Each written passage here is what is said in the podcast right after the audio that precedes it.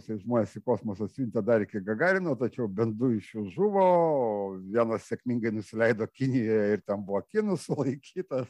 Šito mes negalim spausdinti. Ir va tai va tokia va transformacija per porą metų iš fašisto į pacifistą ir kečiausias pasauliniai literatūroje Katinas. O jo. Turi skafandrą, gali valint, atsiprašau. Labai geras įvardinimas. Hef, mylėti artimą savo reikia, taip sakant. Ir mylėti visomis prasmėmis. Ir ateinu va toks vat, e, vos ne pionieriškų žvilgsnių ir, ir, ir, ir kaklaraiščių nešinas, supranti, ir man teškiai. O čia poks ir Hailinas atima iš tavęs nekaltybę. Kurią, vat praktiškai taip.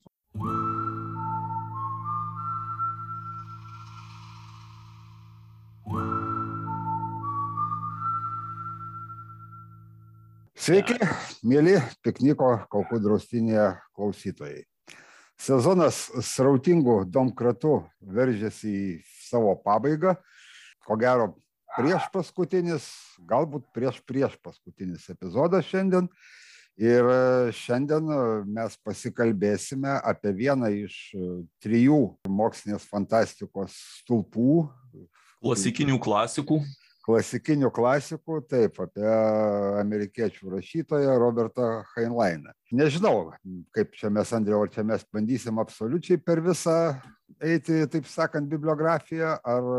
Nu, kas ten yra, tik tai kokios 25 ar 30 knygų. Nu, Bijau, kad gal ir daugiau. bijau, kad gal ir daugiau. Ar tiesiog apsistot prie kažkokių truputėlį, truputėlį. Ne, manau, kad labiau... bėgam per visas, nes ypatingai ankstyvosios jau jų tarpe tik tai kelios yra vertos atskiro paminėjimo. Vertos ta prasme, kad išsiskiria tiek, kad verta atskirai aptarinėti. Na, nes tik tai ankstyvoji fantastika buvo santykinai vienoda. Jeigu, taip sakant, turi atsivertęs bibliografiją, gali iš lieto mm. pradėti, ar dar neturi? Iš atminties tikrai nepacituočiau visko, ką esu skaitęs. Taip, kad atsivertęs turiu, kaip sakant, sukčiauju stambių mastų. Aš nesukčiauju, aš to prasme žinojau, kad tu būsi atsivertęs ir tu priminsi, ką reikia. Gerai, tai pradžiai trumpai pasižiūrim, kas buvo pats Heinleinas. Tai labai labai trumpai, tiksliai galit pasiskaityti Wikipediją. Heinleinas e, visų pirma, jis buvo kariškis, jeigu tiksliai tai jis buvo uh, laivyno kaip minimum leitenantas, jeigu ne kapitono laipsnį, bet laivynė ten su tais laipsniais įdomu gana yra. Tai kapitonas yra kapitonas kita prasme. Tarnavo jis tenai iki 30 kažkėlintų metų, kada buvo e, išleistos į, į pensiją ankstyvą dėl tuberkuliozės. Atsiprašau, jeigu čia pas mane girdisi fone naminių augintojų entuzijazmas. Mūsų šiandien tiesiog piknike daugiau. Taip, dar dviem. Mes, mes su Andriu klausimų. Ir keletas jaunesniųjų proto brolių, kaip ir priklauso. Taip. Taip, e, labai smulkiai ne, nesigilinsiu į tai, kaip jis pradėjo rašyti. Ką verta paminėti yra tai, kad išsilavinimas jo buvo inžinerinis. Ir tai jaučiasi ir matosi per visas jo knygas. Plus tikrai reikia iš karto paminėti, kad politinė supratimu jis buvo smarkiai kairių pažiūrų. Ta prasme, tai, kas tuo metu buvo vadinama libertarianizmu, šiai dienai tai būtų vadinama kairiuoju demokratu Amerikoje, bandė netgi ir politinę karjerą toj, toj platformai daryti, daryt, bet net, net Kalifornijoje, kuri ir tais laikais buvo smarkiai demokratiška, nepaėjo. Tai finaliai jis pradėjo rašyti dėl to, kad, nu, reikėjo dasidur dolerį iš serijos. Ir gavosi tiek gerai tas dasidūrimas, kad jis buvo pirmasis e, sci-fi rašytojas, kuri, kurio apsakymas buvo išspausdintas ne sci-fi žurnale, o, e, kaip čia pasakyti, e, bendros, bendros eigos, net nežinau kaip iš anglų kalbos išvers tokios, bendros nu, pakraipos. Mainstreaminiam. Mainstreaminės, taip, žurnalas, kuris, kuris spausdindavo grožinę, e, grožinę literatūrą ir būtent jo apsakymas sudrebino visus sci-fi bendruomenės, kuri tuo metu buvo labai smarkiai nišinė pamatus, kad, o, žiūrėkit, išleido e, mainstreamo žurnalę. Negana to, nepraėjus nei metams, jis gavo kontraktą iš smarkiai mainstreaminio leidėjo rašyti po romaną į metus.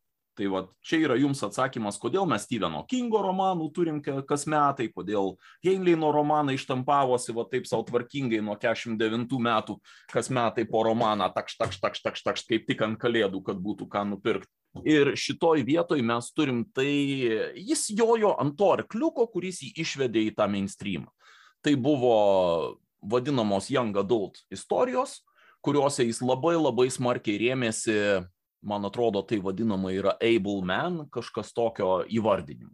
Reiškia, visi herojai yra protingi, jie yra e, gerai išsilavinę daugelį sričių, tarp kitko, kaip ir pats Heinleinas, turėjo platų išsilavinimą, gali susikurti laužą, gali sumedžioti žvėrį, vėlgi Heinleinas buvo pakankamai sportiškas žmogus, ypač turint omeny jo sveikatos problemas, gali pakariaut, gali suinžinierint kažkokią tai mašiną ir taip toliau. Tai daug kas juokais tai vadino e, Spaceboy Scout, ko pasiekoje Heinleinas labai ramiai tą terminą įtraukė į kažkuria iš savo knygų, aš jau net nežinau kurią, ir Spaceboy Scout, kaip sakant, tapo realybę.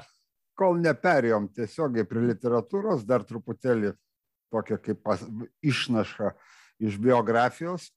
60-aisiais metais, praeito amžiaus dėl viso pikto, tiem, tie, tiem, kas gimė po 2000-ųjų, taip sakant, patikslinsiu, Robertas ir jo žmona Virginija apsilankė su tuo metu Sovietų sąjungoje. Ta prasme, Virginija specialiai tuo, tuo, tam reikalui mokėsi rusų kalbos nežinau, kiek ten jos ir iš, išmoko, bet nelabai jai ir prireikė su kažko bendrauti, nes visos kelionės metu e, su toktinius kaimynais lydėjo paslaugus inturisto darbuotojai, kurie visai ne, neturi nieko bendro su KGB. Va, ir, Garbės žodis. Taip, taip, taip. Buvo labai draugiški visą kitą, bet vienu metu, taip sakant, truputėlį tas draugiškumas pasibaigė, kai Virginija su jais susiginčio truputėlį dėl lagerių, kurių inturisto darbuotojų nuomonė sąjungoje niekada nebuvo. Va, Virginija galvojo, galvojo truputėlį kitaip. Na, jie pradėjo nuo Maskvos, paskui Taškentą, Samarkandą, Tbilisį, Kievą aplankė. O gegužės 15-60 metų Heinleinai jau buvo Vilniuje, tarp kitko. Ir sutapk taip, kad kaip tik tą dieną sovietai paleido kosmosan pirmąjį Vostok prototipą, prototipą, taip reikėtų kurčiuoti, Sputnik 4. Buvo pritaikytas pilotuojantam skrydžiui, negana to, netgi juos skrydo pirmasis tikras kosmonautas Ivanas Ivanovičius, Nu, tik tiek, kad jis buvo manekenas, todėl visi, visi laurai vėliau atiteko Gagarinui. Taip. Va. Ir taip nutiko, kad Virginija Heinlein apie tą pilotuojamą skrydį išgirdo iš kažkokio gatvėje sutikto kadeto, taip sakant, kariškio kursanto kažkokio. Va, nu, nors čia, čia yra Hailaino versija, nors aš truputėlį atsižvelgdamas į tuos turisto darbuotojus, jos lydinčius to truputėlį abejoju. Na, bet kažką išgirdo iš kažko ir gal kaltas buvo kalbos barjeras, gal tas, kas jiems kažką pasakojo, pats ne viską suprato. Todėl Hailainai tuo metu irgi mane, kad sovietai jau vykdė pilotuojamą skrydį. Kai skrydis nenusisekė, nes įvyko kažkokia klaida navigacijos sistemai ir galiausiai laivas tieškasi ne ten ir ne taip, kaip planuota, taip sakant. Tarp kitko, nuolaižus jo buvo aptiktos Viskonsinė. Va, va. Vidury, Samokslas jau tais metais. Vidury pagrindinės miestelio Menitova, ar kažkaip panašiai tarėsi gatvės, va, o sovietai nepuolė gedėti kosmonautų. Kainlainui nebūtų jis fantastas, kilo akivaizdus įtarimas ir nebejo įsikišimo užgimė iki šiol dar gyva Lost Cosmonauts konspiracinė teorija, pagal kurią rusai žmonės į kosmosą siuntė dar iki Gagarino, tačiau bent du iš jų žuvo, vienas sėkmingai nusileido Kinijoje ir ten buvo kinų sulaikytas nu, ir taip toliau. Prie šito, Bet... prie šito dar galima pridurti, kad aš prie vienos iš jo knygų radau e, užbaigiamą į žodį, e, man atrodo, kaip tik po Starship Trooperių, kurie išėjo mm. PM9 metais ir, ir paskui jo buvo dar kažkuris leidimas vėliau. E, kuris labai piktinosi. Iš tikrųjų, va, tas pabuvimas Sovietų sąjungoje, kaip suprantu, jam atvėrė akis, nes jis, kai buvo smarkiai kairys ir taip toliau, jis ten turėjo pakankamai rožinius sakinius dėl, taip. dėl pačių sovietų. Bet va, tas pabuvimas jam labai smarkiai atvėrė akis ir mes dar prie to šiek tiek grįšim. Vėliau e, buvo daugiau priežasčių negu tik apsilankimas, e, bet tuo metu sovietai sugebėjo numušti vieną iš žvalgybinių lėktuvų, jei gerai pamenu. SR61 ar 71, pardon, neatsimenu, kuris tenai iš jų buvo, buvo, kurio niekaip negalėjo numušti. Šitoj vietoje aš truputėlį abejoju, bet kuriuo atveju tai buvo toks dalykas, kad amerikietis pilotas atsidūrė sovietų teritorijoje, buvo numuštas ir buvo suimtas. Buvo, ir buvo, buvo, jis lygino paskui tą informaciją, kurią teikė sovietai savo piliečiams ir jis paskui labai greit po to grįžo į Ameriką ir, ir turėjo galimybę peržiūrėti laikraščius taip toliau. Na ir va, tai buvo vienas iš tų momentų, jis, kuriuos jis panaudojo, va, darydamas tą pačią klaidą, kurią dabar daro didelė dalis vakarų pasaulio, tarsi bandydamas logiškai įrodyti, kad jūs esat neteisūs kas finale gaunasi kaip tas anegdotinis, oi koks tu neteisus Fedorai pasakymas. Ta prasme, kad naudos iš jo vat, yra lygiai tiek pat, kad jie visi šitoj, ar, ar dabar jau ačiū Dievui, mum anoj e, Rubikono pusėje sėdintys asmenys labai puikiai žino, ką jie daro, kodėl daro ir taip toliau. Ir su jais logiškai ginčytis yra absoliučiai beprasmiška. Nu, tai va, tai toksai va, overtiūra, kaip sakant, į įvairius politinius dalykus, kurie be abejo labai smarkiai keitė Heinleino kūrybą. Ir čia mes labai dailiai išeinam prie jo vadinamų tų jo vidurin, vidurinio kūrybinio ciklo, kuris iš tikrųjų prasidėjo 59 metais, 58 reiktų turbūt sakyti, e, per 59 pradžioj, kuomet e, vėlgi pats Heinleinas dar prieš kelionę į sovietus e, labai smarkiai pasipiktino, kad kairiųjų realiai jo paties politinių pažiūrų kolegų spaudžiamas Eisenhoweris labai smarkiai prisuko kranelius atominio ginklo programai ir taip toliau.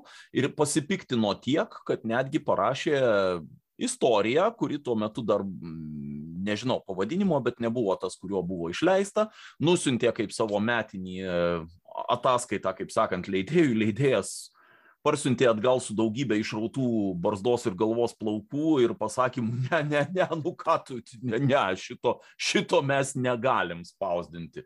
Čia tikrai ne young adult. Į ką Heinleinas tuo metu pakankamai finansiškai nepriklausomas pjovė į akis leidėjui ir pasakė, šitą aš vis tiek išleisiu, bet perrašė istoriją jau su mintim, kad ji nėra skirta young adulto, yra skirta suaugusiems žmonėms ir tai tapo Tramparam Starship Troopers pagal kuriuos yra pastatytas filmas, kurį aš iš pradžių pasipiktinau, kai pasižiūrėjau, o paskui supratau, kad jis gal ir visai teisingai yra pastatytas įvertinus pačią prasme pačių Starship Trooper knygos už kurią jis nekarta ir ne tik savo kairiųjų kolegų, tame tarpe net ir dešiniųjų, kurie buvo įpratę jį kritikuoti, buvo labai tiesiogiai vadinamas fašistinių pažiūrų nu, ir taip toliau. Ten, ten vėlgi buvo labai įdomus dalykas ir labai pamokantis dalykas apie tai, žinai, kaip žmonės, kaip nereikia tapatinti knygos ir literatūrinio kūrinio ir jos autorių. Labai, labai simptomatiškai gavosi. Supranti, 59-ais e, išeina Starship Trooperiai, už kurį, kaip tu ir minėjai, supranti, ne vienas ir ne du, taip sakant, kritikai ir nedraugai, taip sakant, jį kaltino fašizmu. Nu, Prad, nu, žinai, geras, Fašistavimu, geras, geras vabalas, negyvas vabalas.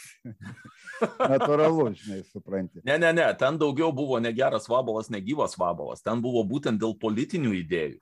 Nu, o būtent ne, tai, kad ta... tik tai karinę tarnybą atlikę žmogus taip. turi teisę balsuoti. Taip, taip. Tai nu, vat, vat, už tai buvo, kad... Nu, mes galime pažiūrėti iš, iš šių dienų Izraelį, ta prasme, tai irgi fašistais neišvadinsim, bet... Kaip ten bebūtų, po poros metų, 61 metais pasirodo jo knyga Stranger in the Strange Land, kuri tampa iš principo hipių Biblija. Ir libertarianizmo abordas. Išvadinamas, ta prasme, nepataisomų pacifistų. Ir, ir va tai va tokia va transformacija per porą metų iš fašisto į pacifistą. Ir, toliau važiuojam, kad jau pradėjom linksmintis. Iš tikrųjų, e, gal prieš pradėdami linksmintis dar truputėlį žvilgtelim į e, tuos vadinamus jaunystės romanus, jaunystės keliom prasmėm. Nemažai jų buvo, aš manau, praktiškai visi, kurie tikrai verti skaitimo, buvo išleisti lietuvių kalba toli nu, ko gero, tik tai, neatsim, ne, tik tai neatsimenu, ar, ar fermeris danguje buvo lietuviškai. Bet šito, man ne, atrodo, nebuvo. Nebuvo. Buvo, man atrodo, apsakymas, kuris jisgi pradžioj buvo kaip apsakymas, Taip. o paskui man atrodo, kad apsakymas buvo išvažiavęs, bet aš galiu painioti su šeklio apsakymu, kur šeklis irgi mėgo žaisti su panašiais dalykais. Nu, aš tikrai um, šitoje vietoje irgi dabar nesiginčiusiu, bet romano nebuvo. Kiek. Ne, romano nebuvo, kiek taip. aš atsimenu. Ir šitas taip, šitą pripažįstu, kad ko gero vienintelis, kurį dar tikrai verta perskaityti iš, iš visų tų. Tai žiūrim, ką turim. E, durys į vasarą, gerbėmėjai. Zenitas, Taip. mano vaikystė. Nu, 92 metais. Tu jau labai toli nušokai. Aš dar, ta prasme, vis dėlto lėlininkus pažymėčiau visiškai. E, šitie vėliau išleisti buvo. 51 metai. Jis perleistas. Lėlininkai. Taip, jie perleisti buvo 90-ais, e, e, ta prasme, truputėlį pakoregavus. Mušuosi, mušuosi į krūtinę ir sakau, kad nežinau, vat, pra, prabėgo pro mane, kaip sakant, per tris bibliotekas nei vienoje nepapuolė senasis leidimas. Mm, Buvau tai, tikras, kad, kad šitą tik Eridanę mačiau.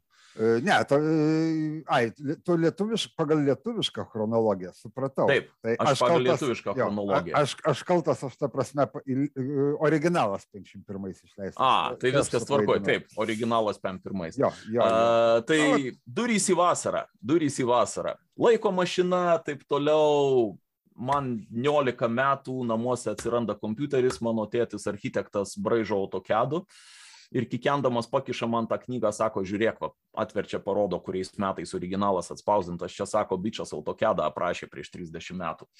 Nu, ne prieš 30, prieš 30, daugiau kaip prieš 30, iš tikrųjų prieš 35.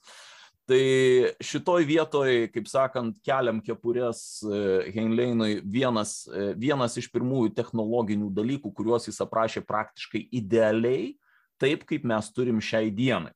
Ir va dabar pasiginčyk, ar tas tos idėjos toj knygoje išrašytos įtakojo kažkokį tai MIT studentą ar, ar, ar, ar Harvardo auklėtinį, kuris paskui išgalvojo visą tai ir sukūrė programinę įrangą. Ar tiesiog autorius buvo pakankamai gudrus, kad sugalvotų apie tai į ateitį. Nu, bet čia šitas... Nu, čia matai, čia tas dvipusis ryšys, ne vienas įkė apie tai kalbėta, žinai, kad e, iš tikrųjų yra, yra tokių variantų, kai, žinai, rašytojai pasiema kažkokią dar tik sklandžiojančią pas mokslininkus, žinai, ten, vat, idėją, žinai, jie ją labiau pavysto, pateikia, žinai, ir panašiai. Ir yra atvirkštinių variantų, kada rašytojas aprašo kažkokį, vat, produktą, kaip šiuo atveju, nu, sakykime, vat, kad ir šitą mes galim pavyzdį drąsiai imti autokadą ir kažkas mhm. paskaitė, sako, geras daiktas, reiktų padaryti.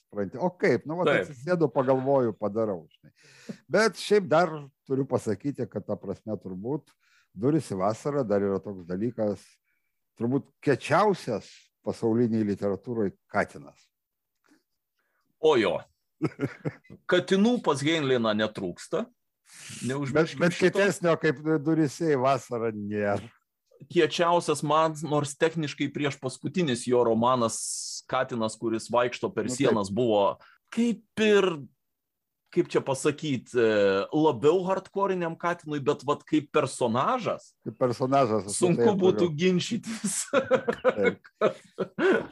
Imbierinė gira lakantis Katinas yra. Taip, kad visi katinų mylėtojai, kas dar neskaitėte durų į vasarą, į biblioteką, bibliotekose, nupučia dulkės. Zenito leidimo. Ir, ir skaito. Tarp kitko, netaip seniai, prieš kokius keturis metus, įdomumo dėlį anglišką versiją dar kartą perskaičiau. Turiu pastabyti, jį puikiai skaitosi ir dabar. Tuo prasme, tai nėra senstantis, e, senstantis romanas. Taip, tai grįžtam prie lietuviškų. Toliau visi kiti iškeliavo, man atrodo, jau Eridano serijoje ir aš jau nesimsiu spręsti, kuris anksčiau, kuris vėliau. Tai mes galim žiūrėti pagal chronologiją parašymo. Originalę, taip. Jo, jo. Tai ir apie tai, ką Fermeris danguje 50 metai nėra taip. lietuviškai. Taip, už tai 51 lėlininkai, Puppet Masters jau mes lietuviškai turime. Turime ir, tarp kitko, irgi buvo ekranizacija, bet šiuo atveju aš likčiau prie tos minties, kad nevykusi. Aš irgi. Nežinau. Pakankamai, pakankamai pigi, pakankamai buka ir, ir, ir, ir tokia, kaip sakant, aš turiu tokį terminą, kad e, kažkas vėl pabandė pabūti Tarkovskiu. Mm. E, Kaž, kažką bandė nesėkmingąją prasme. Ko, taip sakant, jo. Taip, Ką toliau žiūrim. E, dim, dim, dim, dim, dim. Nu, double star. Žvaigždžių žvėris. Double, nu taip, žvaigždžių žvėris, nu čia jau toks e, buvo Labai young adult. labai janka dėl, netgi jank janka dėl. Taip. Tiesiai šviesiai sakant, kadangi jį man papuolė, kai jau man buvo gerokai virš teen years, tai man pasirodė super lėkšta ir neįdomi. Bet yra išleista lietuviškai. Taip kad jeigu, mėly klausytojai, jums yra 14 metų, griebkite ir skaitykite. Jeigu jums yra 24, plus, galbūt, manyčiau, yra ir geresnių knygų skaityti. Ko nėra išleista, bent jau nemačiau ir ką verta skaityti, yra Tunnel in the Sky Taip. kuri iš karto po, po Starbeasto keliavo. Ir double E. star lygiai taip pat, man atrodo, nėra išleista. Uh, Double Star buvo pirmas Hugo, uh, Hugo apdovanojimas Taip. uh, Heinleino ir, ir toksai jau kaip ir savotiškai pilnai medalio užkabinimas. Jeigu neklystų, maždaug nuo to meto, galbūt po Starship Trooperių atsirado, yra žinoma tokia legenda, aš negaliu už ją garantuoti, kad kiti du metrai, tai yra Azimovas ir Bredberis, e, draugiškai tarpusavį viens kitą vandindavo ponu antruoju, Taip, su mintim, kad Heinleinas yra tas pirmasis. rašytojas. Taip. taip, taip. Nesu Yra, tikras, kad, kad su Robertėliu šnekėdami jie naudodavo tą terminologiją, bet tarpusavį yra sakoma, kad naudojo tokį. sklando, sklando toksai urban myth, taip sakant. Kiek tame tiesos nežinau, bet taip, taip. Yra tokia istorija. Kitaip sakant, pripažindavo vienas kitam, kad yra lygus. A, Manau, kad atskirą laidą galima būtų padaryti lyginant šitos tris grandus, šalia kurių man kažkodėl visą laiką norisi dar rašyti Čeklį, nors Čeklis buvo visai kito, kito tipo rašytojas, na gal dar ir Arturą Clarką, bet atidėkim šitam, šitą kitam kartui. Ką turim toliau? E, Time for the Stars. Klarko, matai, supranti, čia gavosi situacija Mhm. tokia. Klarkas realiai, ta prasme, iš tikrųjų turėtų būti tam trejetuke, kuris turėtų virsti galbūt ketvertuku, bet e, iš principo čia buvo, matai, amerikiečių trejetukas rašytojų. Taip. O Klarkas buvo Britas, tai jam vietos Taip. neliko. Nėra čia kolys. Taip, taip, taip. Gerai, važiuojam toliau. E, iš tiesų pradedu abejoti, ar mes čia teisingai apreiškėm, kad lietuviškai išleista geriausi romanai. Einu Ne, per sąrašą tik- ir pradedu ne, matyti, ne, ne visi, turbūt, ne visi ne. tikrai, tikrai, ta prasme, nes yra gerų, kurie neišleisti, yra išleisti, kurie negeri, nu negeriausi, sakykime taip, kad nesikeikiant, taip sakant. Gal Nes- labai trumpai dar į Double Star grįžtam, vis tik tai Mhm. pirmas Hugo apdovanojimas. E, Vėlgi, tai yra knyga, kurioje labai smarkiai išlenda politika. Ir va šitoj knygoje, tarp kitko, pagrindinis herojus nėra tas, vat, kur minėjau, jo Young Adult istorijose yra super, super e, boy scoutas. Mhm. A, Čia kaip tik yra aktorius, kuris yra įmestas į kubilą, kuriame turi virti išgyventi ir išsisukti. Ir tai yra knyga, manau, dėl to gavus Hugo Awardą, kad į ją yra įdėta gerokai daugiau asmeninės patirties, negu kad tik tai sukalt gražią istoriją. Vienok Heinleinas turėjo labai artimą e, matymą, kas yra politika, kaip yra vykdoma rinkimai, kaip yra vykdomos rinkiminės kampanijos. Ir vėlgi be abejonės šitasgi kaltinimai sukčiavimu dėl balsų skaičiavimo, tai čia tikrai ne, ne Trumpo administracijos laikų išradimas. Šitas vyko nuo tada, kai Vašingtonas buvo išrinktas pirmojų prezidentų, manyčiau. Ir tas davė knygai, aš manau, papildomą tokį vat, ne tik tai, ne tik tai mėsą, bet ir kaulus. Toliau, ką mes ten turim. Time for the Stars, aš net neatsimenu. Šiaip sakant. Šiaip savo. E, toliau lietuviškai turime ir Galaktikos pilietį, kur irgi ne iš tų Bet knygų. nebloga, šita nebloga, šita nėra nuobodi, kaip pasakyti, visai malonus toks e, popsas. Toliau turime jau mūsų apkalbėtas duris į vasarą. Taip. Toliau turim, turi skafandrą, gali valint, atsiprašau. Labai geras įvardinimas. Have spacesuit will travel, taip sakant, kur vėlgi mes Atskira, galime yra, žodį gal aš. Vėl yra young, young adultas praktiškai. Čia ne tai, kad young adultas, čia yra, suprantate, aš sakyčiau, jeigu būtų tokia kaip um, Žiulio Verno premija, Mm. Tai aš sakyčiau, kad 20-ojo amžiaus Žiulis Vernas. Tai yra knyga apie tai, koks afigienas daiktas yra modernus e, kosmonauto kostiumas, kurio tuo metu, tarp kitko, dar nebuvo pasiūto, bet jau vaikščiojo būtent techniniuose žurnaluose aptarimai, kaip tą padaryti, kaip aną padaryti. Ir aš manau, kad tam momentui tai buvo super fantastika. Šiai dienai mums tai yra Nu, aš sugaišiu nu, 20 minučių, paskaitysiu Wikipedijoje, kaip jie yra padaryti. Taip, čia, čia būtent tas, tas vat, ribinis, žinai, ant breunos, ta fantastika, būtent verniška, žinai, kur Vernas aprašydavo tos dalykus, kurie jau realiai netgi, ta prasme, ten prototipai, žinai, kažkokie sukurti, ar ten, žinai, dar nu, kažkas bandymai daryti, tarkim, žinai, gal dar nelabai, kažkas. Bet plačiai publikai nelabai žinoma, supranti, žinai, o jis, supranti, žinai, paduoda tai kaip ir tu gauni, žinai, fantastiką, kuri po poros metų virsta į, į realybę. Nes, nu, nepamirškim, kas 58 metai, 61 Gagarinas jau skrenda. Ten, aišku, netoks krūtas skafandras, kaip aprašytas Gainlaina, bet uh, yra kaip yra bet šitoj vietoj dar verta paminėti, kad pačios knygos visas, kaip pasakyti, siužetas dėliojasi. Um, vienas toks labai aukšto ūgio dėdė Clarksonas yra pasakęs apie lenktynės Australijoje, kad sako, tai yra eventas, kurio metu e, dviejų gamintojų fanai mušasi tarpusavį ir kai jie pavarksta, tada kartais vyksta lenktynės. Tai apie šitą knygą galima pasakyti, kad tai yra techninis skafandro aprašymas, kur vietom yra įmesta šiek tiek nuotikinių elementų, kad ne visiškai užknistų jį skaityti. Taip, kad jeigu turit galimybę, neskaitykit šitos knygos. Taip, taip, taip. Metuzelaho vaikai. Nieko neatsimenu. Tas pas, esu skaitęs tikrai nieko absoliučiai. Aš labai gerai atsimenu pavadinimą, neatsimenu knygos. Manau, kad apsistokim ties to, kad neverta. Manau, kad tai pasako daug. Toliau mes turime jau vėlgi apkalbėtus Starship Trooperius. Taip, dar lūžio toliau, momentą.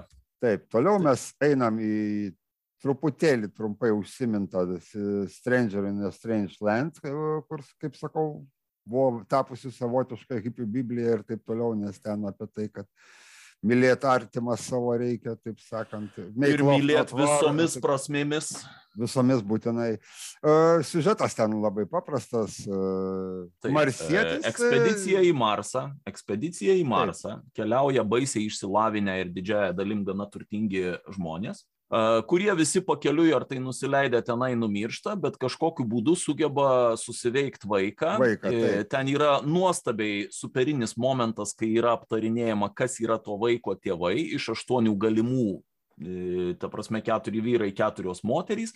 Ten yra toks nuostabus sudėliojimas, kad tas su tuo buvo vyras su žmona, bet miegojo su tuo ir tuo. Anie buvo ten vos ne kraujo broliai ir, ir, ir dar kažkas. Žodžiu, finalė neįmanoma atrinkti, kas yra iš tų aštuonių suaugusiųjų jo e, biologiniai tėvai. Jo, biologiniai tėvai, už tai jis gauna, a ir dar prie to viso paaiškėja, kad jie visi pasirašė, kad jų visas palikimas atitenka visiems jų, kaip pasakyti, palikuonėms. Palikuonėms, taip.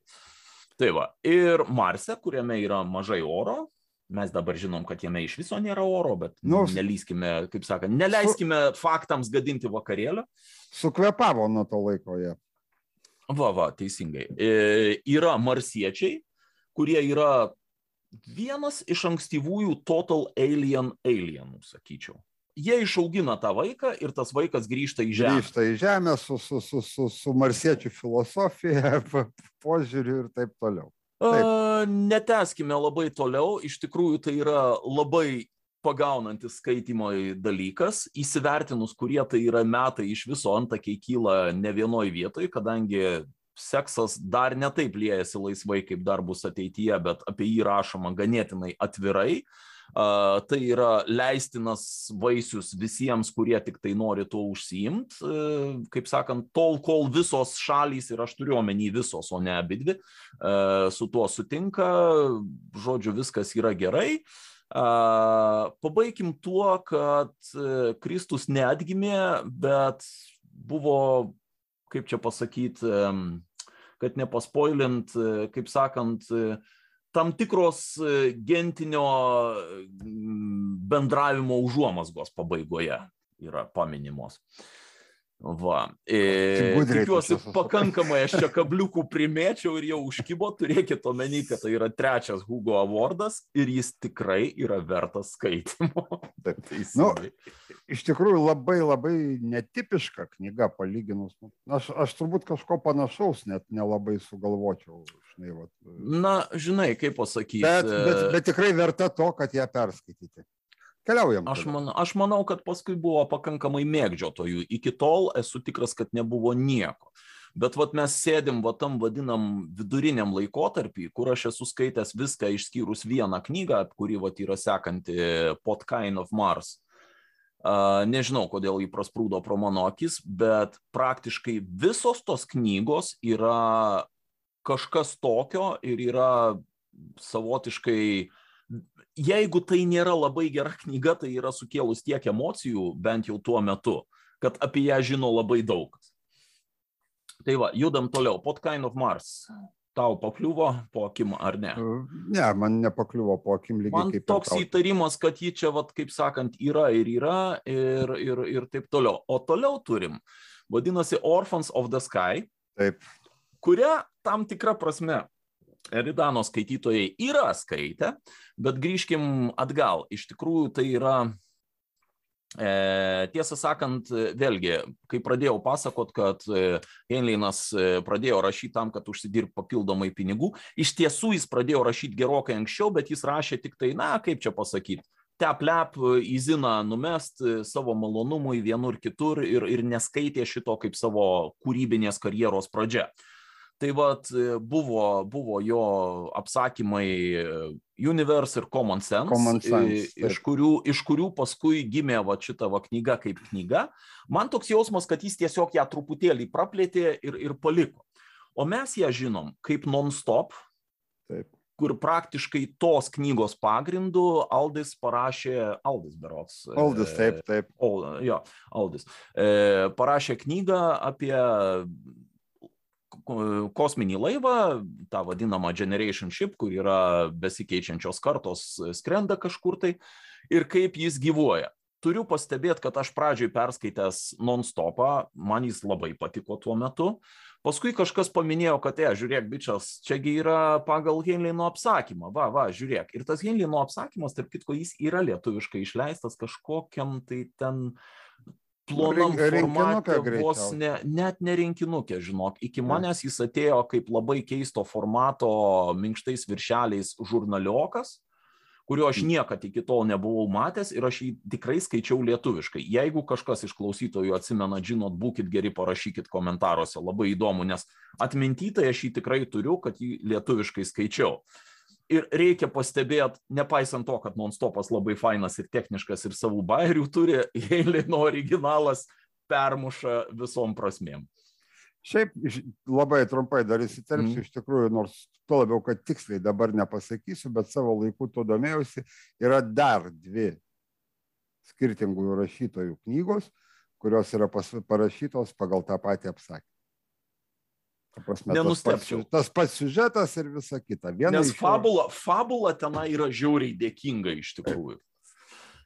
Taip. Uh, aš gal tik tai paminėsiu vien dėl ko verta skaityti, kad uh, nusiritusių atgal uh, technologinė prasme, uh, va tokių va kosminių barbarų, uh, Hebra pradeda tobulėti prisiskaitę trijų muškietininkų, technologiškai tobulėti. Tai, paliksiu tokį kabliuką. Važiuojam toliau. Glory Road. Glory Road. Lietuviškai nėra. Lietuviškai nėra ir čia yra, sakyčiau, turbūt vos ne vienintelis. Aš dabar galvoju, ar tikrai. O tikrai nebuvo.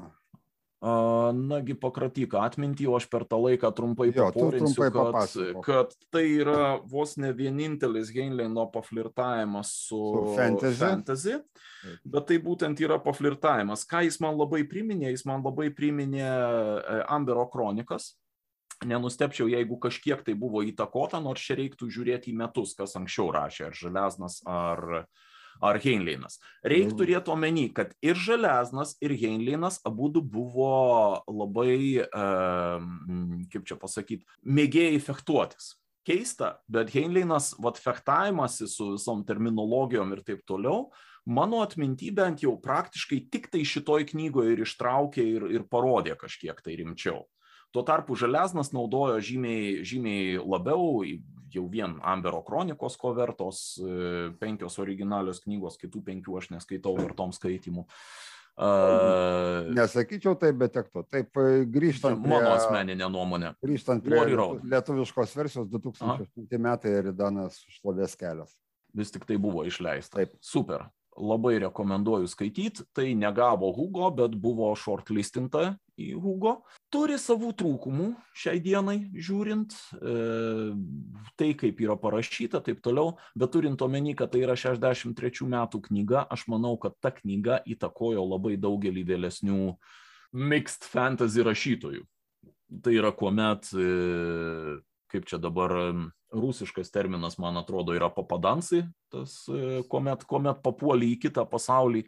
Tai vad, e, kol kas iš to, ką žiūriu, e, man atrodo, kad šiam trečiais metais tai buvo vienas iš pirmųjų tokių pasižiūrėjimų. Gali būti. Toliau. Ir, kalbant apie Žalesną, Žalesno Amberas yra rašytas vėliau. Tai vad gali tai būti. yra jau kad netgi ir 80-mečio įtakotas buvo. pradžia. 70, Gali būt. 71 kažkur tai. gali būti, kad net buvo įtakota, nes bent jau man skaitant, tai ten toks vaizdas, kad jie viens nuo kito nusižiūrinėjo rašydami, buvo, buvo toks, toks pojūtis. Negaliu sakyti, kad ten kažkoks tai e, copy-pastas yra, bet, bet vat, pačioj idėjoje tikrai yra panašumų. Na, tai, kaip sakant, dar vienas įrodymas, kad klasikos klasika yra klasikiškiausia iš visų.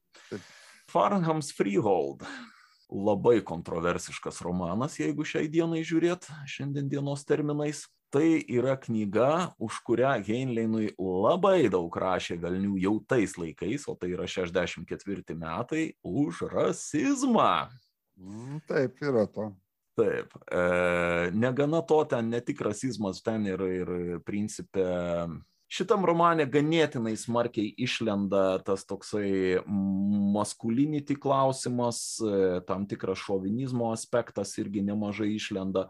E, Pats Heinleinas ramiai teškia į veidą savo kritikams, kad e, mm, rėmėsi tuo, kas vyksta visose primityviose arba per prievartą primityvėjančiose bendruomenėse. Kaip ten, kaip ten bebūtų, tai nemalonu, pikta ar, ar baisu, principė tas toks e, šovinizmas ir, ir, ir patriarchalizmas yra tam tikra išgyvenimo taktika. Ar ji yra geriausia, čia galima turėti atskirą diskusiją su gerais akių pasidraskimais, tačiau tai yra išgyvenimo, viena iš išgyvenimo taktikų. Ir, ir atseit, kad jis būtent tuo, tuo naudojosi šitoj knygoje. Aišku, pasižiūrint retrospektyviai, praktiškai visi jo veikėjai, ta prasme ne praktiškai, o absoliučiai visi jo veikėjai iki, mm, sakyčiau, netgi pabaigos šito vidu- vidurinio laikotarpio. Visi veikėjai buvo vyriški ir negana to, kad vyriški, e, vadinami tie palaikantieji veikėjai, kur yra antraplaniai veikėjai, e, moteriškos lyties veikėjai, kaip taisyklė, ganėtinai smarkiai turėjo va tą vat spektro poslinkį link koks šaunus mano vyras ir kaip aš jį palaikau. Tai nebuvo absoliutu. Didžiojo, didžiojoj daly tai buvo taip, tačiau yra, yra kai kurios knygos, kuriuose e, moteriškės turi ir, ir pakankamai valdžios ir netgi vėlgi tam pačiam Citizen of the Galaxy e, pilnai matriarchato valdomi kosminiai laivai ir, ir, ir su savo pakankamai įdomiom taisyklėm, bet tai yra daugiau pažaidimai su ta idėja, e, negu kad e, tendencija. Tendencija yra prisitaikyti prie šešto dešimtmečio, Taip. penkto dešimtmečio laikmečio, kuomet e, Būtent reikia nepamiršti laikmečio, nes, nu, yra labai paprastas dalykas pasižiūrėkit pirmo bondo filmus pavyzdžiui ta prasme pasižiūrėkit kaip kaip šonas koneris elgiasi su moterimis tuose filmuose ir kaip jisai būtų už užheitintas šiandien ta prasme už už tokius poelgius Arba nežiūrėkit, jeigu jūs tai trigerina. Iš taip. Taip, taip, Iš kitos pusės aš nu, manau, kad... Samprata keičiasi. Reikia žiūrėti senus filmus, reikia žiūrėti, skaityti senas knygas, e, visuomet atsižvelgiant būtent į laikotarpį ir į tai, kas tenai vyko. Ir e, skaitant Robinzoną Krūzą, visai nereikia heitint e, Robinzono už tai, kad jis su penktadieniu elgėsi kaip su vergu. Tai buvo verg, verg, vergvaldiškos santvarkos, santvarkos laikų parašymo knyga apie vergvaldišką santvarką. Taip, nesiplėskim labai į tai, ką mes čia Fanhams Freehold aptarinėjom ir toliau žygiuojam į dar sekančią knygą, kurią daugelis tame tarpe ir aš ko gero laiko pačia kiečiausia Heinleino knyga. Ko gero. The Moon is a Harsh Mistress. Pasakyk man, ar lietuviškai ji buvo išleista ne. ar ne. Ne, ne. ne gaila, bet ne. Vat šitą knygą tikrai verta tarp kitko rusišką vertimą kurį aš patį pirmą skaičiau anglišką originalą vėliau teko skaityt.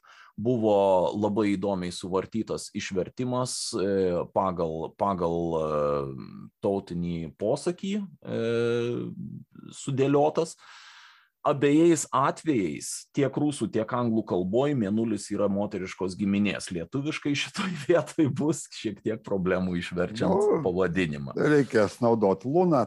Irgi variantas bet kuriuo atveju tai tai neturi neturi neturi taip jau daug problemų verčiant pačią knygą O knyga yra apie tai, kas visuomet kliuvo visiems mąstantiems žmonėms. Reiškia, tai yra apie koloniją Minulyje. Ten yra tam tikra prasme atžaidžiama Australijos korta, kuomet nemaža dalis kolonistų yra tremtiniai, tai taip. kuomet kolonija yra grežiama dėl jos resursų iš e, metropolijos ir kuomet kolonija nusprendžia, kad laikas yra pabaigti su visu tuo kaip sakant, kroviniai keliauja į vieną pusę nonsensu. Manau, kad ta prasme mes galim pasakyti, kad tikrai jeigu jau jūs paimsit ir pasiryšit perskaityti tik tai vieną savo gyvenime Heinleino knygą, tai gal jūs šitą ir paimkite.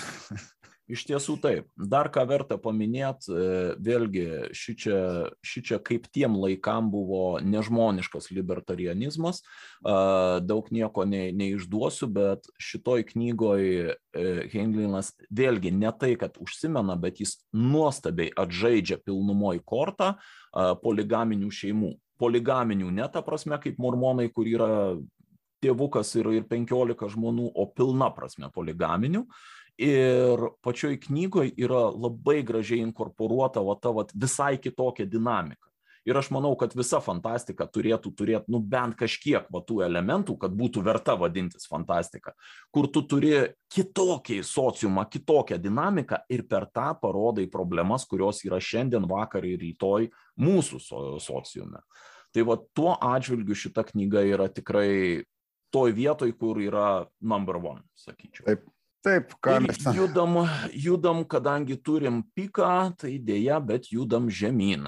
E, turim I, fear, I Will Fear No Evil, nelabai turiu ką apie ją pasakyti. Tai yra gera knyga, bet, na, su prieš tai paminėtom nebaisiai lyginasi. E, tačiau dar sekanti yra knyga kuri jau principe yra vėlgi skiriamasis momentas tarp viduriniosios ir baigiamosios kūrybos tai yra time enough for love.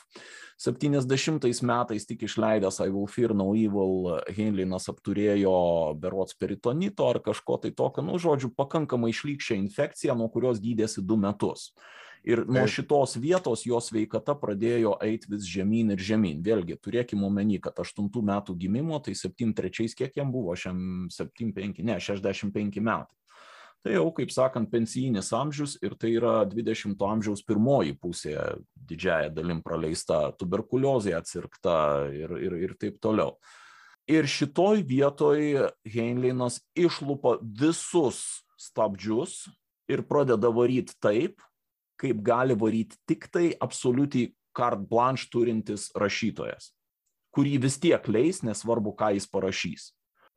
Čia prasideda tai, dėl ko paskui daug antakių išsipešiojo rėmėjai, heiteriai, kurie su kiekviena knyga galėjo keistis stovyklomis ir, ir taip toliau.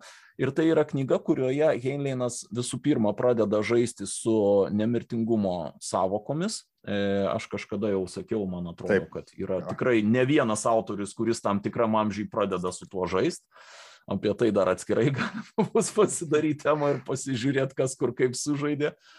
E, negana to, jis pradeda visiškai ir atvirai dėlioti, aš sakyčiau, savo seksualinės fantazijas, kurios yra tiesiai šviesiai sakant, riebios, riebesnės ir pačios riebiausios. Ir šitas eina per visas tolimesnės knygas, išskyrus vieną. Tai iš tų tolimesnių tai yra ir The Number of the Beast, ir The Cat Who Walks Through Walls, ir The Sail Beyond the Sunset.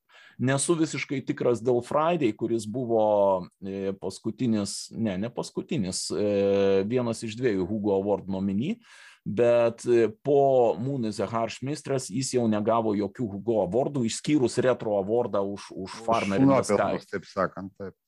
Jo. Uh, ši čia kodėl verta skaityti, aš pavadinsiu taip. Aš šitas knygas pataikiau ant jų absoliučiai nežinodamas e, apie ką jos. Aš buvau skaitęs Heinleino vat, visas tas ankstyvasis vidurinėsis, ne visas, bet didžiąją dalį jų. E, ir ateinu va toks vat e, vos ne pionierišku žvilgsniu ir, ir, ir, ir kaklaraiščių nešinas, supranti, ir man teškia į veidą. Koks Hailinas atima iš tavęs nekaltybę. Kurią, vat praktiškai taip. E, nes čia yra tokie dalykai žaidžiami, čia yra žaidžiama su incesto savokom, su vaikų seksualumu ir taip toliau. Tai nėra kažkas tai išlykštaus ar, ar, ar to karnališko, kaip yra sakoma, bet tai yra būtent apžvelgiamos tos savokos, kaip jos gali mus keisti keist, gali keist arba keičia ir, ir požiūrį visuomenėje ir taip toliau. Ir dar prie viso to yra perpintas nemirtingumo savoka, kurią Heinleinas priėmė manau, nevertas liepti, nes tai jis iš karto parašo pakankamai anksti knygoje, e, priėmė kaip elementarų genetinį dalyką. Reiškia, jeigu kažkas, kažkokia organizacija užsiims ieškot labiausiai ilgai išgyvenančių žmonių ir pradės juos dauginti tarpusavyje, kaip sakant, selekcinę atranką galima lengvai išauginti per kažkiek tai kartų žmonės, kurie gyvena 150, 200 metų ar panašiai. Ko pasiekoje, aišku, yra nukrypimų ir į kairę, ir į dešinę. Ir vienas iš tų, vat, pavadinkim, teorinę tą dešinę nukrypimas pas jį yra veikėjas, kuris pasirodo visose tose knygose. Lazarus Long, tai yra bičias, kuris ne tik, kad gyvena belekiek, ta prasme, jis kaip ir nemirtingas, bet dar ir toks vaizdas, kad gali biški ir laikė pakeliauti, bet, bet su tuo ten labai. Čia toks taip, pana, panašus variantas, kaip pas Stevensoną yra Enochas Rūtas, tas supranti, kur. Taip. bet kokiam laikmetį, bet... Nustepčiau, jeigu nusižiūrėtas iš Lazarus Longo, jeigu patardyt, patardyt Stevensoną visko gali būti. Uh, tai va, grįžtant prie to, kad aš gavau į veidą va, tokią va, knygą, man atrodo, Time Enough for Love buvo pati pirmoji, kurią aš iš visų tų keturių ar penkių perskaičiau. Uh, bet tai buvo tas toksai, kur perskaitai, atsisėdi, žiūri, galvoji, nu ne, nu to negali būti. Duokit sekančią. nes, nes tai yra vat, vat tas noras žiūrėti, matyti, kas dar bus po to, kaip dar nukeliaus, nors pačios knygos jos yra tokios santykinai būtinės, jos nėra kažkas labai sci-fi, jose nėra, kad būtų labai daug nuotykių, bet man savotiškai Steveną Kingą jos primena tuo, kad jos vat būtent savo būtizmu ir tikrumu tuo netikru tikrumu nuperka tiek, kad tu nori eiti ir skaityti toliau. O, ap, apskritai apie tas visas, va, jau, tas įdomus visas tas vėlyvasis periodas ir, sakykime, yra tokia irgi Joe Walton fantastikos, taip sakant, žinoma, pavardė autoriams ir irgi premijuota. Ir jos apie Friday yra labai gera frazė, supranti, kažkada pasakyta, kad yra pati blogiausia knyga, kurią aš dievinu.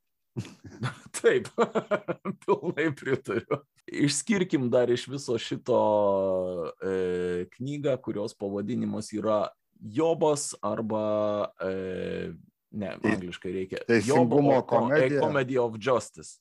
Jo, e, bet teisingumo komedija, na, Ne visai teisingumo taip. komedija. Kažkaip kitaip, nu reikėtų Yra, pagalvoti. yra sakoma, kad, jis ją, kad Heinleinas rašė šią knygą gulėdamas mirties patale, tas nėra visai teisingai, iš tikrųjų jis pamirė 88 metais, matai. išleista 84. Jo, bet situacija tokia, kad realiai, ta prasme, paskutinius ten penkerius ir šešerius gyvenimo metus jis sirgo ištisai ir sirgo sunkiai. Taip.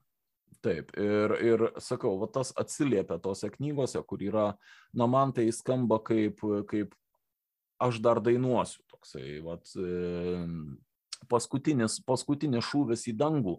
Ir, ir sakau, tai gali sauliaisti tik tai tas autorius, kuris nusipelnė vietą panteone, kuriam jau yra priskirta ir jis gali, gali rašyti tai, ką jis iš tikrųjų tuo metu nori. Bet dar atskirai apie, apie Jobą pašnekėkim.